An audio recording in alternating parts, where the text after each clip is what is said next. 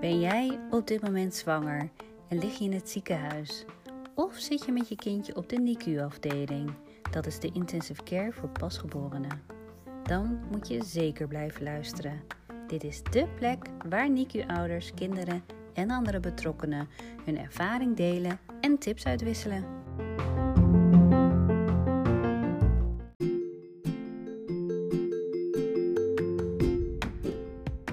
Ben Mathilde Keij.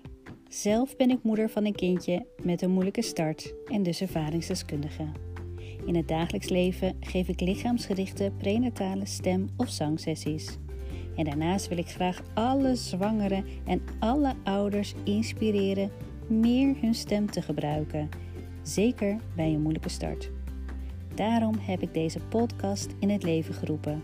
In deze podcast krijgt de NICU-afdeling een stem.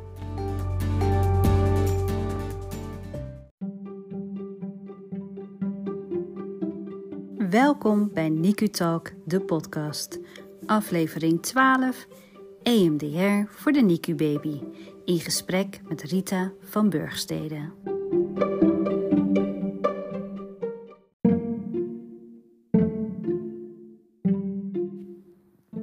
Lieve luisteraar, het is alweer nou, best een tijdje geleden dat ik een aflevering heb gemaakt. Ehm, maar nu heb ik er eentje. Uh, die kon ik jullie niet onthouden. Uh, wij zijn natuurlijk ontzettend druk geweest uh, met de zorg rondom Chavi. En hij is nu vijf. maar afgelopen jaar, toen hij dus nog vier, vier en half was, toen zijn we heel erg op zoek gegaan naar wat is nou de juiste schoolomgeving voor Chavi. Nou, en in die hele zoektocht uh, zijn we ook in contact gekomen met Rita van Burgstede. Zij heeft ons geholpen met de EMDR-sessies. Ze heeft ons EMDR gegeven en Javi ook. En nou, dat heeft zo ontzettend goed geholpen. En het gekke is eigenlijk, als je dan, nou ja, het is dan nu zo vijf jaar geleden dat we van de NICU af zijn uh, gekomen. Maar dan hoor je wel meerdere ouders over. Ja, ik heb ook EMDR gehad en dat heeft heel erg goed geholpen. En toen dacht ik van nou, hier moeten we echt een uh, aflevering aan wijden. Misschien is het gewoon een beetje een, uh, um, ja, een must-have therapy na zo'n uh, NICU-ervaring. En eigenlijk zoals Rita dat zo heel mooi zegt, ja, je moet eigenlijk gewoon trauma voorkomen. En dat stukje laten we natuurlijk nu eventjes meer voor de zorgprofessionals in het ziekenhuis. En gelukkig zijn er al hele mooie ontwikkelingen gaande. Maar we zijn er nog lang niet. En zolang dat nog niet helemaal aan de orde is, moeten we goed voor onszelf zorgen, NICU-ouder. En ik denk dat EMDR hier ook heel mooi bij uh, past. Zeker voor jezelf, om in een nog mooiere, heldere verbinding te staan met je kind. En om de ontwikkeling van je kind, nou ja, meer in vrijheid te laten kunnen verlopen als dat mogelijk is. Dus nou, dat is wel een beetje de zoektocht waar wij afgelopen jaar mee bezig waren. Nou, ik heb heel veel van Rita geleerd en uh, ze heeft ook hele mooie tips. Nou, die kan ik jullie niet onthouden. Dus vandaar mijn gesprek met Rita van Burgstede. Ik heb dus aan de lijn Rita van Burgstede. Um, als ik zo een beetje op haar website kijk, dan lees ik dat Rita is begonnen met werken als begeleider en daarna als psycholoog. En ze heeft haar eigen praktijk aan huis, namelijk psychologe, uh, psychologenpraktijk van Burgstede. En hier biedt zij psychologische hulp aan aan zowel kinderen als volwassenen. Nou, en zo kennen wij ook wel elkaar, toch, Rita? Ja, klopt. Ja. wij, Ik, uh, ja, wij, ja, wij, kwamen natuurlijk met Chavi bij jou aan de deur kloppen. En, um, en wij hebben ook bij jou EMDR gevolgd. Dus um, nou ja, zijn wij uh, eh, een, waren wij een typisch gevalletje? Of, eh? Nee hoor, jullie waren geen typisch gevalletje. Maar wel heel leuk dat jullie bij mij uitkwamen. Mhm. En ook heel leuk dat ik eigenlijk gewoon naar jullie toe ging. Want we hebben elkaar gezien eh, in Hilversum op de Boemerang. En daar ben ik eigenlijk ook wel van dat, dat ik gewoon naar de mensen toe kan gaan. Dat ik mensen kan zien in de eigen omgeving. En ja, dat ik daar de therapie kan geven. Merk je dat dat dan ehm, nou ja, voor jou ook makkelijker is of fijner is af te stemmen op je, op je cliënt? Ik denk dat in de eerste plaats wil ik dat iemand zich op zijn gemak voelt. Dat iemand ja, met mij ook in contact wil zijn. En dat hij niet eh, de spanning hoeft te ervaren. Waar ga ik heen? Wat gebeurt er allemaal? Waar kom ik nu terecht? Wat gebeurt er met mij? En dus ik denk eerst even kan ik aansluiten bij de ander. Zodat de ander niet ook nog heel veel moeite moet doen om zich bij mij aan te sluiten.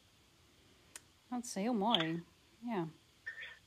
En daarbij komt natuurlijk, hè, want ik kwam, jullie kwamen bij mij of ik kwam bij jullie om Xavi te helpen. En dan is het zoeken naar waar heeft hij dan precies last van. Eh, maar ook eigenlijk wel een beetje, ik kwam ook wel voor jullie. En jullie als ouders hadden ook ergens nog last van. En waar gaat het dan om dat jullie je comfortabel kunnen voelen. En dan ook weer dat gevoel door kunnen geven aan eh Xavi. Zeker, zeker. Want we, hè, wij als NICU-ouders en eh, met een NICU-kindje. En Chavi was toen in ieder geval al vier. Ehm, je hebt eerst bij ons eh, EMDR gedaan. Is dat, eh, eh, doe je dat eigenlijk altijd zo? Dat je ook eerst de ouders doet? Of doe je eigenlijk vaak dan alleen het kind? Hoe, hoe werkt dat? Nee, ik denk dat eigenlijk standaard ouders ook met heel veel pijn en verdriet en eh, eh, ja, nare herinneringen terugkijken op gebeurtenissen. Als er eh, nou iets aan de hand is geweest rond zwangerschap, bevalling, geboorte. En eh, nou, soms gaat dat verder terug dan die geboorte en heeft het ook met eigen eh, geschiedenis al te maken. En ik probeer me wel te richten als ik eh eerst de behandeling van ouders doe op, nou wat hebben jullie nodig om straks die behandeling van je kind aan te kunnen gaan. Want ik wil ook graag de ouders erbij als ik het kind behandel. Ja. En soms is daar één keer, soms twee keer, soms drie keer voor nodig om toch eigenlijk de eerste eigen spanning eh, wat meer naar de achtergrond te krijgen. En nou dan op een wat ja, stevige manier ook al eh, het kind daarbij te kunnen helpen. Want als alleen maar het eigen verdriet op de voorgrond eh, staat en de eigenare herinnering zo heftig naar boven komt, dan wordt het moeilijker om het kind goed te kunnen bereiken. Nee, dus je maakt eigenlijk gewoon een hele mooie basis hè, eh, voor het kind. Eh, Ja, ja, ik denk dat het kind zich veilig moet voelen om herinneringen toe te laten. En nou, bij jonge kinderen is het niet zo dat die er als vanzelf zijn. Dus daar heb ik jullie als ouders heel hard bij nodig. mhm. Om die herinneringen weer ergens in dat eh, lijf op te halen. Herinneringen zijn opgeslagen in het lijf, zijn niet altijd in woorden opgeslagen, zijn niet altijd eh, makkelijk eh, terug te halen. Daarom heb de ouders nodig. Ja, En soms ook voorwerpen, maar zeker ook het verhaal. ehm, wat de herinnering ook weer bij het kind kan brengen. En soms ook de aanraking van het lijf van het kind. Om die herinnering ook weer echt even te kunnen voelen. Zodat die ook weer in de kamer is en eh, verwerkt kan worden. ja. ja. En ehm, even terug, EMDR, wat is het eigenlijk? Want je hoort er zoveel mensen over, zeker in, die, eh, in de NICU-fase. of ehm, ehm, eh, voor Kervernier ook. Dus wat is EMDR en hoe werkt het? Ja, MDR eh gaat over ehm, het verwerken van nare herinneringen. En EMDR is een manier om ehm, die nare herinneringen anders op te slaan. Wanneer ze actief blijven. Wanneer er een nare herinnering is, dan treedt er iets op als een soort van vecht, vlucht of bevriesreactie. Om um, nou, je daartegen te verweren. Als het in die reactie blijft hangen, mm dan blijven soortgelijke herinneringen ook actief in het lijf. En dan zal ook in nieuwe situaties dat vechten, vluchten of bevriezen weer aan de hand zijn. Mhm. En dat noemen we triggers.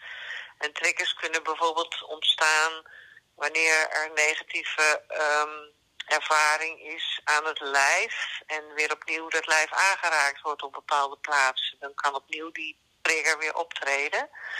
En bij EMDR wil je eigenlijk dat die herinneringen weer geactiveerd worden, die nare herinneringen weer ergens geactiveerd zijn in het brein. Ja. En dan probeer je eigenlijk tegelijkertijd heel veel afleiding te bieden. Een afleiding bieden om um, daarmee eigenlijk ook die herinnering steeds zachter te laten worden en steeds verder in de verwerking te krijgen, zodat die herinnering een andere plek krijgt. Je vergeet de herinnering niet, maar de herinnering krijgt een plek die niet meer zo als een trigger uh, steeds weer naar voren komt, waardoor die vechtvlucht en bevriesreacties eigenlijk achterwege gaan blijven. Dat was een hele lange zin volgens mij. Dat is een hele lange zin. maar uh, goed te volgen hoor, goed te volgen. En bij jonge kinderen, mm -hmm. uh, ja, bij volwassenen gebruik ik altijd de oogbeweging, omdat de oogbewegingen eigenlijk heel sterk en heel snel werken. Mm -hmm. Maar bij jonge kinderen zijn de oogbewegingen eigenlijk niet Ehm, ja, niet makkelijk. Uh, nou, soms ook nog wel, maar niet, het is niet het eerste, omdat bij jonge kinderen juist dat lijf zo belangrijk is.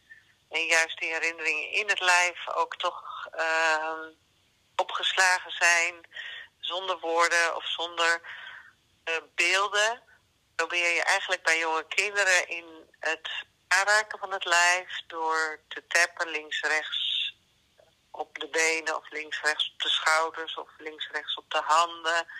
En het mhm. tappen is het uh, zachte klapjes geven, waarmee je um, links rechts probeert ook extra informatie toe te voegen of extra afleiding te bieden.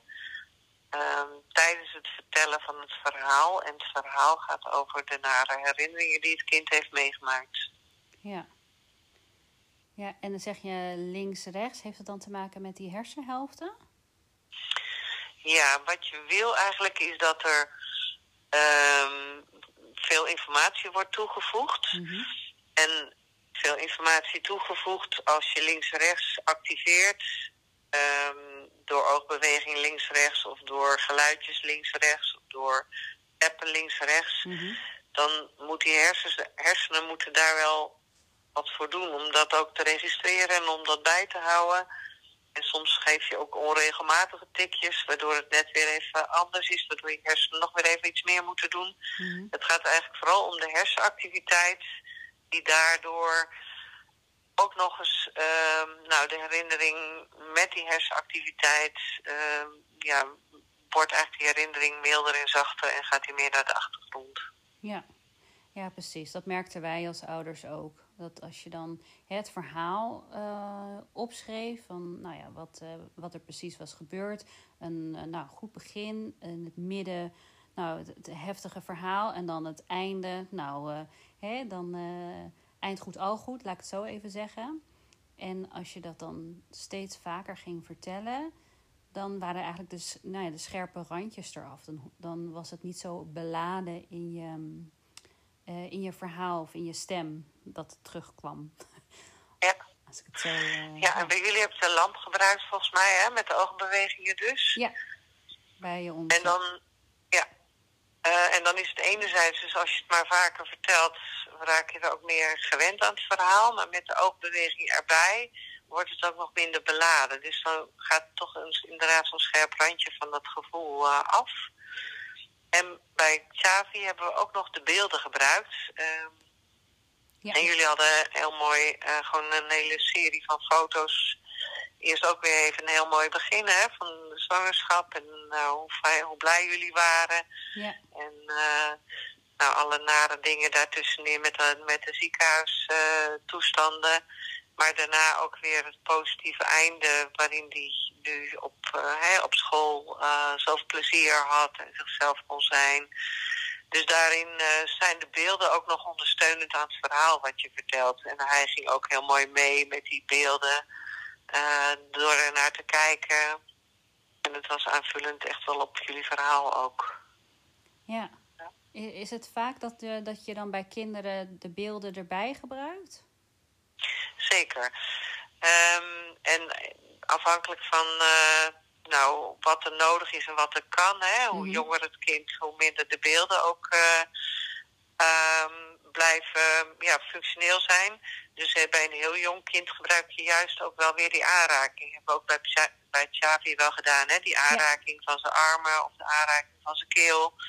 Dus die aanraking van het lijf is vaak ook een hele scherpe uh, trigger naar, naar de nare herinnering. Dus in die zin uh, is ook vaak die aanraking heel uh, helpend om echt dicht bij die nare herinnering te kunnen aansluiten. Mm -hmm. Maar ook beelden. En ja, jullie hadden een hele mooie presentatie uh, op de iPad. Uh, soms uh, gebruiken mensen fotoboekjes of uh, nou, een boekje met het verhaal zelfs. Hè. Dus dat kan op alle manieren kan dat visueel gemaakt worden. Ja. En als kinderen wat ouder zijn, maken ze ook zelf wel tekeningen. Dus soms helpt het ook om tekeningen te maken die weer de nare situatie verbeelden zoals zij het in hun hoofd hebben. Ja, mooi is dat zeg. Lijkt me heel interessant om die tekeningen dan ook weer te zien. Hoe zij dat echt hebben opgeslagen. Ja, ja, en ja, als een kind niet kan tekenen, betekent het niet dat je geen EMDR kan doen. Of als een kind niet zelf kan vertellen, betekent het niet dat je geen EMDR kan doen. Dus je kan eigenlijk al heel vroeg beginnen met het verwerken van de nare herinneringen. Zodat je niet steeds weer die herbelevingen hebt. Of niet steeds weer in die nare herinnering hoeft als kind. Want uh, zeg maar, is een NICU-baby niet, niet te klein dan? Om dan te starten met EMDR? Of? Ja, wat je, wat je wel wil is eerst uh, nou altijd proberen kunnen we trauma's voorkomen. Ja. Uh, dat vind ik een belangrijke. Hè? Dus op welke manier uh, wordt het een, een NICU-baby ook zo comfortabel mogelijk gemaakt? Op welke manieren kunnen we zorgen dat er nou, in, in ieder geval veel minder nou, onnodige pijn is? Of kunnen we zorgen dat er zoveel mogelijk verbinding is? Hè? En onnodige pijn. Uh, welke prikjes zijn er nodig en hoe dan en op welke manier dan? En is er verdovende zalf eventueel mogelijk? Of is er nou, ander licht mogelijk? Hè? Welke dingen zijn comfortabel voor een hele, hele, hele kleine baby? En welke mogelijkheden zijn er om ouders daar dichterbij te houden, dichterbij te krijgen en mee te laten helpen in het zoeken naar van hoe is de baby zo comfortabel mogelijk. Ja. En dan daarna, uh, als er dan toch hele ingewikkelde dingen even moesten, omdat het snel en niet anders kon, dan probeer je zo snel mogelijk daarna ook te kijken van kunnen we weer neutraliseren. Ja. Maar als een kind echt nog in de overleving is, ja, dan kunnen we het wel willen, maar dan moeten we ook soms nog even wachten. Hè, van waar is het moment dat het mogelijk is om de NICU-baby ook al uh, te behandelen. En waar, waar zie je dat dan aan, dan dat zo'n baby dan nog in de overlevingsstand is? Ja, als er nog veel uh, moet gebeuren, hè? of als er nog operaties zijn, of als er nog. Ja. ja, ik kan me zo voorstellen dat je per kind ook zoekt waar kan het al wel Ja, en wat kan al weg. Maar als er nog heel veel medisch moet en aan de hand is, en nou, hè, van de ene operatie in de andere, dan moet er ook even lichamelijk herstel soms zijn. Maar ja, dat betekent niet dat je al wel zorgt voor weer zo snel mogelijk het comfort herstellen en zoveel mogelijk de balans herstellen. ja. Ik kan me zo voorstellen dat, uh, nou ja, even op onze situatie, dat uh, nou ja, dan laatst uh, zijn been had gebroken. En dan zijn we toch wel weer even teruggekomen bij jou om dat wel even te neutraliseren. En nou niet weten dat er best wel snel weer een andere operatie volgde, die eigenlijk niet noodzakelijk was, maar wel uiteindelijk wel noodzakelijk is. Zeg maar. Het was geen acute zorg, laat ik het zo zeggen. Ehm, maar zou je eigenlijk na elke eh, ingrijpende gebeurtenis, wat dit toch wel echt voor een kind is, zou je dan elke keer zo'n EMDR-sessie moeten volgen? Ik denk dat het elke keer weer afhankelijk is van wat, wat is er nodig, wat is er mogelijk. Mm En nu, Chavi was aan mij gewend. Hè? Je hoeft niet weer heel veel ingewikkelde dingen te doen. Dus dan is het ook gewoon even één keer en dan is het helpend. Ja. En um, ja, nog steeds denk ik, als je trauma kan voorkomen, dan is dat altijd weer de beste manier. Hè? Dus wat, wat, wat kan helpend zijn om trauma te voorkomen. Maar als je merkt ook van ja, maar dit was toch wel weer heel ingrijpend. Ja, waarom niet? En hoe ingewikkeld kan EMDR dan zijn? Of hoe simpel, waardoor toch weer iets verholpen wordt. Dus het, um, ja, ik denk dat je het elke keer per keer bekijkt ook. Wat is er nodig? Gaat mijn kind weer vanzelf herstellen? Gaat hij zich lekker ontwikkelen en is hij weer helemaal vrolijk? Ja, dan, dan hoeft niet per se het verhaal weer opgehaald te worden. Maar is er nog een operatie nodig en moet hij dan weer onder narcose? En kunnen we zorgen dat het kapje nu in ieder geval minder spannend is al, hè? Ja. Dan zijn er ook wel dingen die je al wel uh, in de voorbereiding wat minder spannend kan laten zijn, waardoor hij alweer meer gewend is en weer makkelijker ja, zo'n operatie doorkomt. Ja, nou, ik moet zeggen dat hij de laatste keer dat hij ja, wel veel meer, hè, uh, veel veerkrachtiger na zo'n uh, OK was. Maar um, zeg maar in de zomer dat hij zijn been brak, toen ging hij heel angstig de OK in. En toen zag hij dat mondkapje wat wij hadden hè, ge-EMDR'd, laat ik het zo zeggen. en toen werd hij rustig. Dus toen dachten we, oh wauw, dit was wel heel fijn voor hem. Dat dat even dat rustmoment gaf. Maar de laatste keer, toen was ik er dus bij. toen, was, nou ja, toen was dat mondkapje ging erop. Maar hij was echt zo aan het vechten. Ik vond het zo zielig. En dacht ik, oh, nou, we moeten je weer bellen. ja. Want, eh, maar, ja, uh, maar dat, dus dat, dat was echt best nou, echt een heftig moment. Hij was heel erg aan het vechten tegen die uh, narcose. Maar ja, hij is er wel veerkrachtiger uitgekomen. Dus dat vind ik best wel. Uh, ja, ik vind het mooi om te zien. Maar ik dacht ook wel van: oh mijn god, weet je wel. Dan heb je weer dat kapje. En dan. Ik hoop niet dat dat. Um, nou ja, voor een volgende keer weer. nou ja, nog een heftiger moment wordt of zo. Ja, ja, en soms reageert het kind hierop, soms reageert het daarop. En soms is het het vasthouden, soms is het het, uh, de geur. Ja. Dus je weet ook niet altijd wat de trigger is. Nee. En wat er onthouden wordt of wat er opgeslagen is in het lichaam. Ja. Uh, maar goed, daar probeer je te kijken van nou, dat wat, wat ik weet, laten we daar dan in ieder geval de EMDR op doen, zodat hij daar de volgende keer minder last van heeft. Ja. En wat zie je aan de ontwikkeling? Hè? Want ik denk dat, dat dat ook altijd wel weer hoop geeft. Kinderen hebben inderdaad een bepaalde veerkracht of kunnen die weer terugvinden. En wat zie je dan in de ontwikkeling? Ja. En zoals je zei, hè, van dan gaat hij de zinnelijkheid weer, uh, dat gaat hij weer oppakken, dan gaat hij daar weer makkelijker in. Ja, dat, dat, dat zijn de mooie dingen waarvan je zegt van ja, hij, uh, hij is er weer door. Hij gaat, hij gaat ook weer door en hij ontwikkelt zich weer. Ja, ja dat zijn hele mooie tekenen aan de wand. Om het zo maar te zeggen. En als uh, uh, de NICU-ouder nu in het ziekenhuis is en je hebt het zo mooi over trauma hè, voorkomen, dat ligt voor, natuurlijk voor een groot deel ook bij de zorgprofessionals. Uh, maar wat, wat kunnen ouders zelf doen? Um, ja, wat kunnen ouders zelf doen? Ik denk dat heel veel eigenlijk uh, intuïtieve kennis is van ouders. Hè? Wat willen we doen? Wat zouden we, zouden we zelf kunnen bedenken dat we kunnen doen? Mhm. En dat dat vaak al heel erg belangrijk is en heel erg de goede weg is. Ja. Maar voel je je dan toch bezwaard? Of denk je van ja, ik loop die mensen hier in het ziekenhuis in de weg? Of ik, uh, nou, ze zullen me wel raar vinden.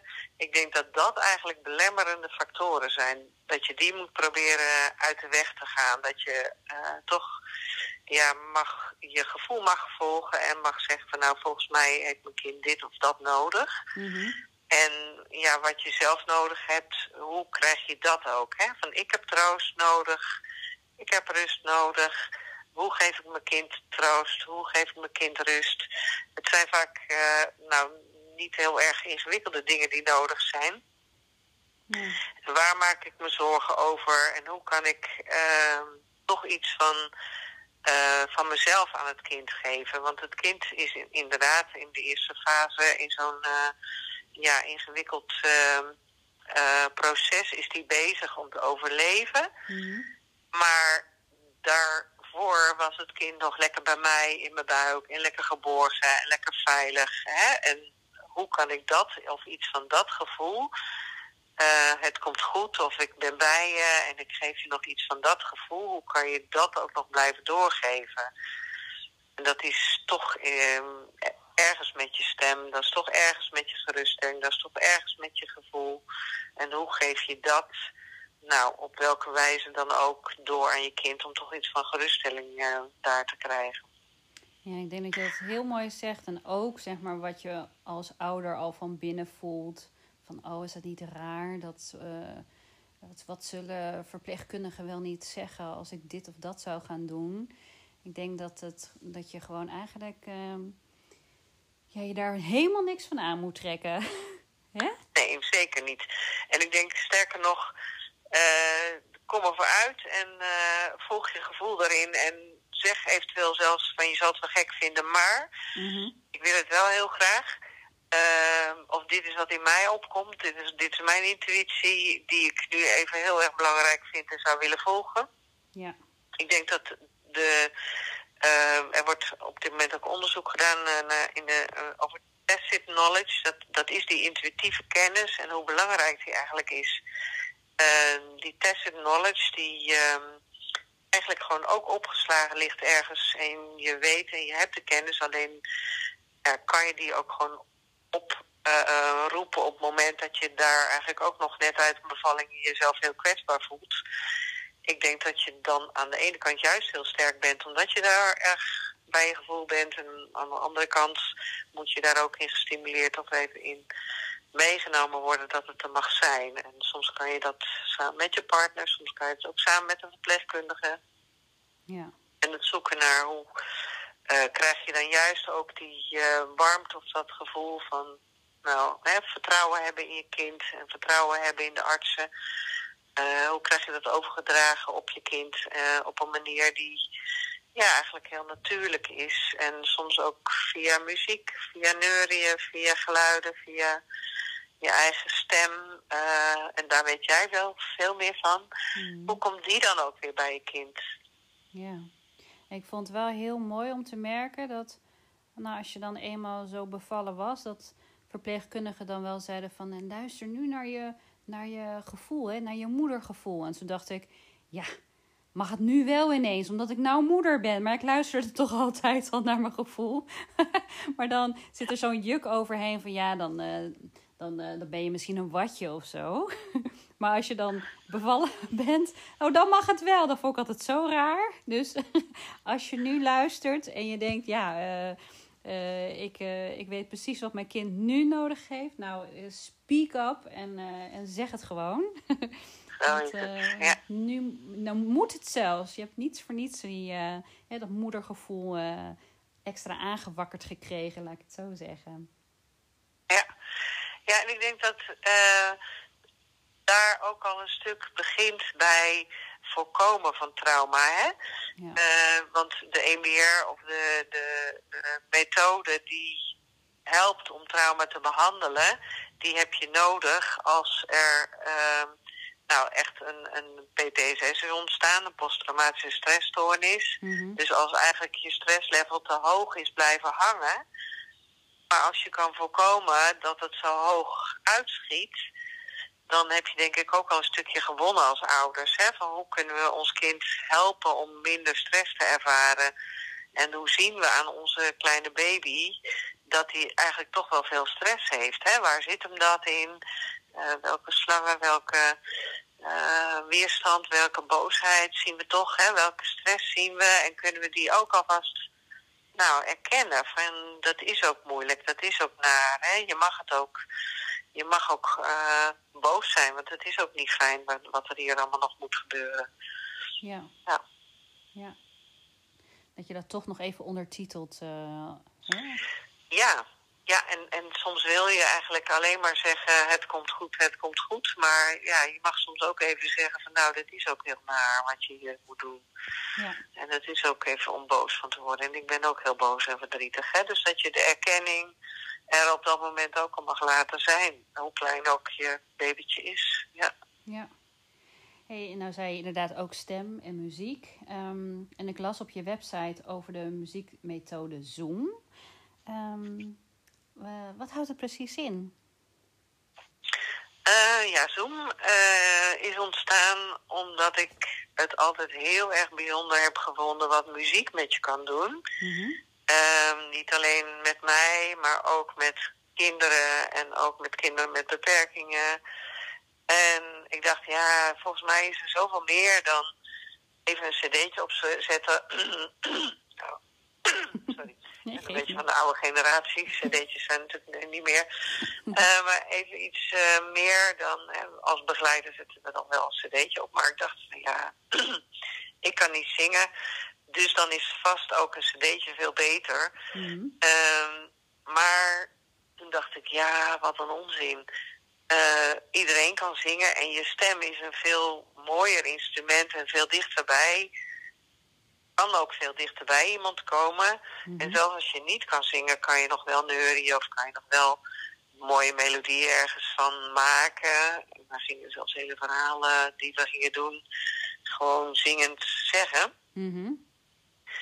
Eh, en toen dacht ik van ja, eigenlijk moet, uh, moet, moet mag, mhm. de begeleider die dagelijks met kinderen werkt, eigenlijk veel meer tools aangereikt krijgen om uh, zijn eigen stem vaker te gebruiken en ook veel meer te doen met muziek.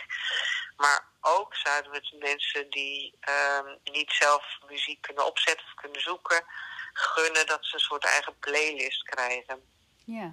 Dus de methode is ontwikkeld om, uh, um, heb ik met drie anderen gedaan, uh, twee muziek ehm, mensen die echt wel veel van muziek weten. En twee, uh, wij zijn met, ik ben een, psycholoog en de ander is een orthopedagoog. Ja. Om ook een beetje het methodische erin te krijgen. Mm -hmm. uh, met veel herhaling en met veel luisteren, maar ook met zelf muziek maken, zelf klanken maken, zelf een instrumentje proberen zo simpel mogelijk ook ergens te laten klinken. Mm -hmm. um, en de muziekmethode is ontwikkeld eigenlijk voor begeleiders ja. Die werken met mensen met ernstig of eenvoudige beperkingen. Maar dat kan ook door andere begeleiders of de ouders gebruikt worden. Om vooral eigenlijk muziek dichterbij te brengen. En ook makkelijker toegankelijk. En vooral ook dat mensen kunnen genieten van hun eigen muziek. Van hun eigen kippenvelmuziek. Als je altijd maar hetzelfde cd'tje hoort, ja, is dat dan je kippenvelmuziek? Of moet je, mag je muzieksmaak ook wat verbreden. Mhm. En kunnen we dan andere vormen van muziek laten horen of zingen. Waardoor ook andere muziek uh, toegankelijk wordt. En ook echte keuzes gemaakt kunnen worden in, oh ja, muziek. Haar ogen zo opflikkeren van dan is die muziek voor haar kennelijk toch belangrijker dan we hadden gedacht. Dus om ook te gaan ontdekken wat iemands kippenvelmuziek kan zijn. Ja dat ongeveer. In een notendop. ja, maar ook leuk om mee bezig te zijn. En heel anders dan uh, de behandelingen, de EPR. Maar ook wel iets wat me aan het hart ligt. En wat ik denk uh, dat ook voor heel veel mensen geldt. Hè?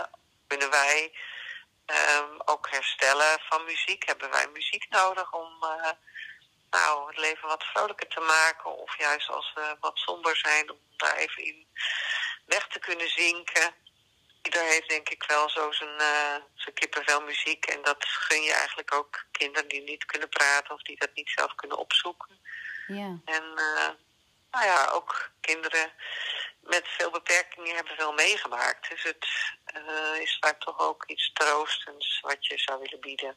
Nou, zo mooi dat je dat zegt ook voor die kinderen die niet kunnen praten. Maar wel hè, dat je aan hun ogen kunt zien dat ze dat ze een opleving hebben, dat ze, dat ze daar uh, plezier uithalen. Uh, het is natuurlijk ook heel mooi om te zien voor de ouders zelf. Ja. Nou ja, en de ouders en de begeleiders die dagelijks contact hebben, die zien eigenlijk het meeste. Ja. Eh, en die gun je eigenlijk ook dat ze de tools hebben om daar meer van te doen en dichterbij te brengen. Mhm. Ehm, en dat ze ook de tools hebben om ehm, nou, daar, daar eh, een kind te helpen in zijn ontwikkeling. Want ook muziekontwikkeling of muzikale ontwikkeling is een nog wat onderbelicht gebied, denk ik. Mhm. Eh, waar nog wel wat winst te halen valt soms. Ja. Zeker, zeker. En ehm, ehm, Zoom schrijf je met eh, Z-O-E-M, hè? Niet, eh, niet de Z-O-O-M. Heel goed. die- We zijn nog van, de, van voor de Zoom bijeenkomsten en de. Teams eh, bijeenkomsten voor de coronaperiode. Wij eh, zijn er iets van tien jaar geleden mee begonnen. Ja, En toen was het iets van eh, afkorting, zorg, onderwijs en muziek. Maar dat vonden we eigenlijk ook zorg. Ja, hoezo? Hè, dus toen hebben we eigenlijk gedacht van ja, maar Zoom is ook een van de eerste geluidjes van een bij of van een zoemend. nou ja, iets wat zoomt is ook fijn om te horen. Dus we hebben gewoon Z-O-E-M ervan gemaakt. En eh, de Zoom-methode is, eh, ja, proberen we zoveel mogelijk eh, te verspreiden over Nederland en België. In België zijn ze ook geïnteresseerd. oh leuk. Wat goed. Ja. ja. En als ze daar meer over willen weten, kunnen ze op jouw website kijken? Zeker, of op de website van Zoom, hè? want Zoom hebben we eigenlijk ook in een aparte website Oh, Oké. Gemaakt. Ja, Oh, wat goed. Dus dat, ik neem aan dat dat zoom.nl is? ja muziekmethode Zoom. Ah, Dus het is, eh, we hebben de muziekmethode voor gedaan, want volgens Ja. mij was eh, Zoom.nl al bezet. oh, ja, dat zal wel, ja. Oh, goed. Dus eh, muziekmethode Zoom. Zoek het op. Ehm, je had het over kippenvelmuziek. Ehm, wat is jouw eigen eh kippenvelmuziekje? Eh, ja. Eh, nou, ik weet niet hoe het bij jou is, maar ik denk soms van, ik heb er verschillende. En dat ligt een beetje aan waar ik, eh, in welke stemming ik ben of wat ik ja, dan weer even heb gehoord. Ja. Ehm, en gek genoeg heeft het ook altijd wel te maken met hoogtepunten of dieptepunten in leven. Ehm, en wat zou ik op een begrafenis willen horen? Of eh, hè, daar Mhm. zitten soms van die, eh, van die linkjes waarvan je denkt, ja, die hoort bij mij. Of, eh, nou ja, waar, eh, wat is het nummer van mijn partner en mij? Waar zijn wij allebei van? Ehm, nou, op dit moment heb ik nog het, eh het kippenvelmuziekje wat op mijn pad kwam. ehm, nou, eigenlijk eh, vlak na het overlijden van mijn moeder. Mhm. En toen reed ik in de auto op de snelweg. Ik weet niet waar ik was, maar mm, dan komt zo op de radio soms onverwacht iets voorbij waarvan je denkt, hm, Ja. eh, oké. Mhm. Eh, die komt binnen. En dat was een, eh, een liedje van Wieke van Weelde. Ja. Zal ik een klein stukje laten horen? Ja, doe maar. Ik hoop dat het een beetje te horen is, maar doe maar een klein stukje, ja. Door je lichaam vloeit. Voel op je huid en hoor in je hart. Schreeuw geen nou uit als het donker is en zwart. Gedenk mij met een lach en herinner mij aan. En laat me in jou verder gaan. Nou, dit was niet eens aan het begin, maar even zo'n tussenstukje. Ja. Eh, maar voor mij kwam die binnen als een bom en was het echt zo van wauw, dit is precies wat ik nu even nodig heb. Ja.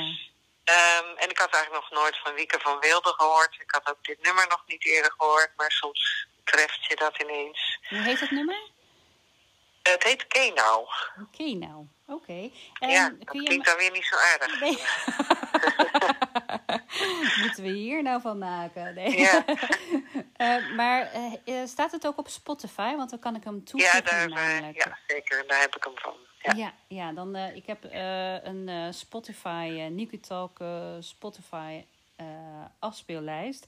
En daar kun je ook alle nummers op vinden die ehm, met de mensen hebben aangedragen. Dus dan kun je deze Wieke van Wilde, Keno ook dan op terugvinden. Dus dat komt Ah, helemaal ja, mooi. Ja. Ja. Ja, dus eh, jij was daar zo op die eh, snelweg en deze kwam binnen. Vind ik altijd zo, ehm, zo bijzonder. Ik heb het ook met mijn ehm, eh, cliënten van, nou, wat is jouw, ik noem het dan maar ook nu even zo, het- jouw kippenvel muziek. En dan weet ze het meestal niet. En dan, nou, tot volgende week. En vaak op weg naar mij toe, dan hebben ze de radio aan.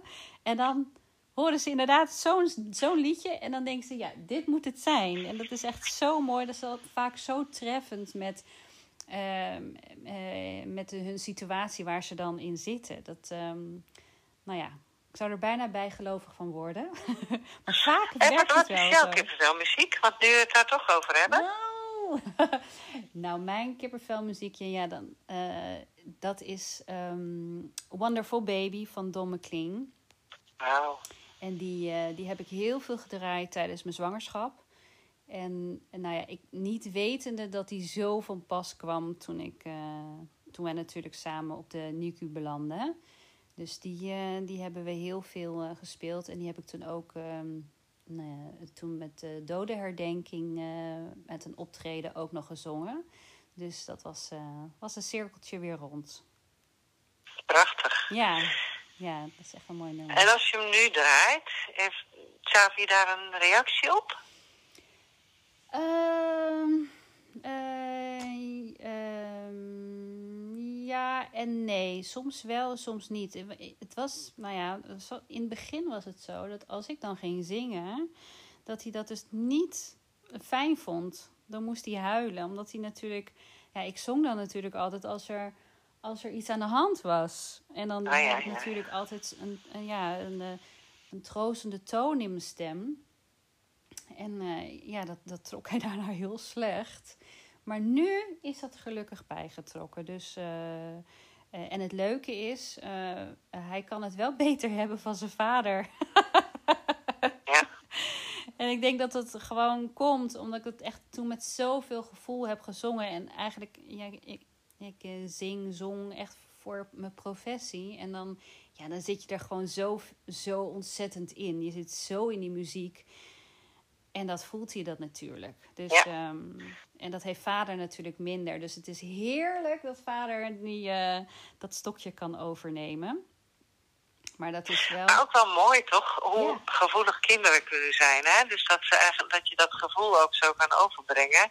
Ja. Zonder dat je dat niet, ja, dat wil je natuurlijk niet altijd. Maar Nee. de gevoeligheid eh, van Xavi eh, en vooral ook voor jouw stem en voor jou, de lading die je erin kan leggen, Ja. die, eh, die is wel treffend. Dat ja. is echt eh, enorm. Dat is ik, eh, sowieso, nou die binding met je baby is eh, hartstikke gelukt. Maar of het dan altijd hè, de uitkomst is van nou, dan eh, is het allemaal eh, roze geur en maneschijn. Dat niet. Maar eh, er is definitely dan een binding. Dus dat is wel heel mooi.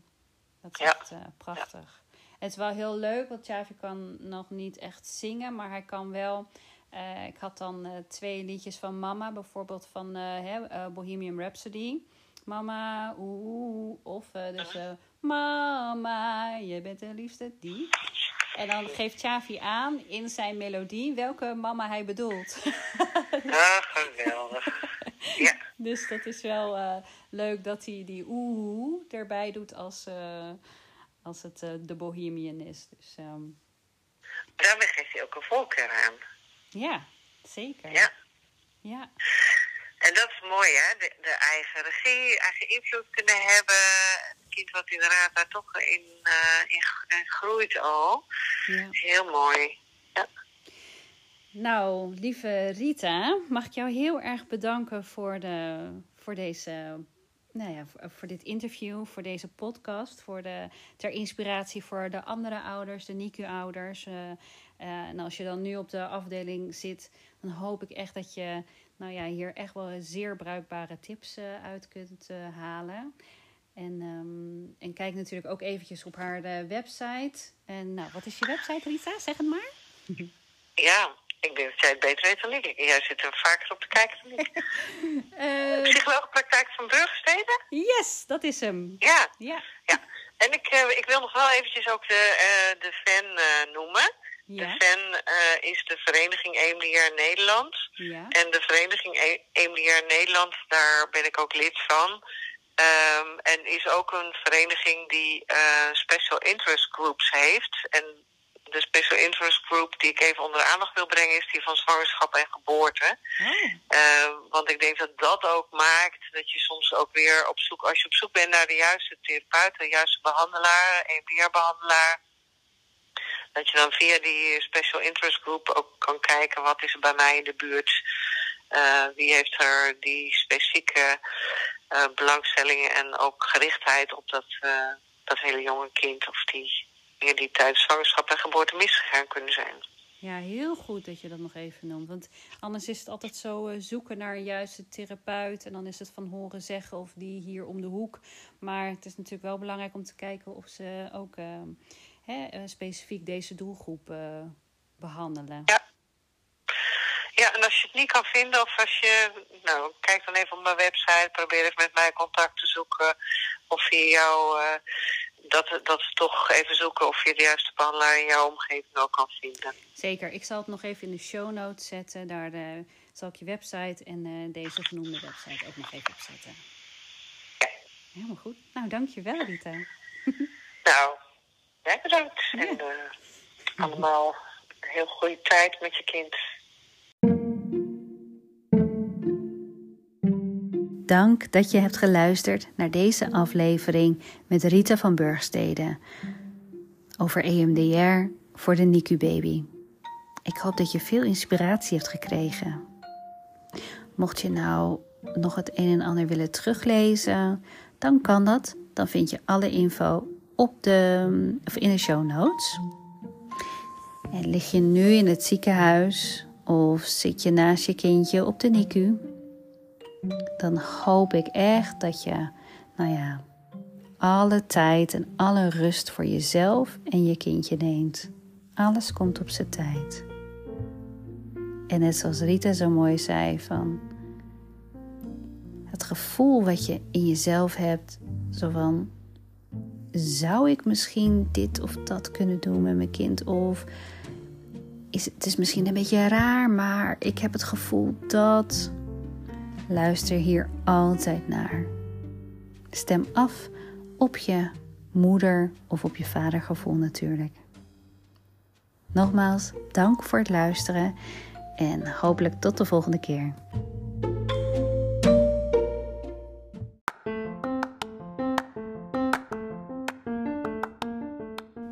De hoogte blijven wanneer een nieuwe aflevering beschikbaar is? Abonneer je dan op de podcast. En als je dan toch bezig bent, geef een review of sterren in de Apple Podcast. Dat zorgt ervoor dat de Nico Talk podcast stijgt in de hitlijst. En wil je de podcast steunen? Dat kan via de doneerlink. Zie de doneerlink en alle andere informatie van deze aflevering in de show notes.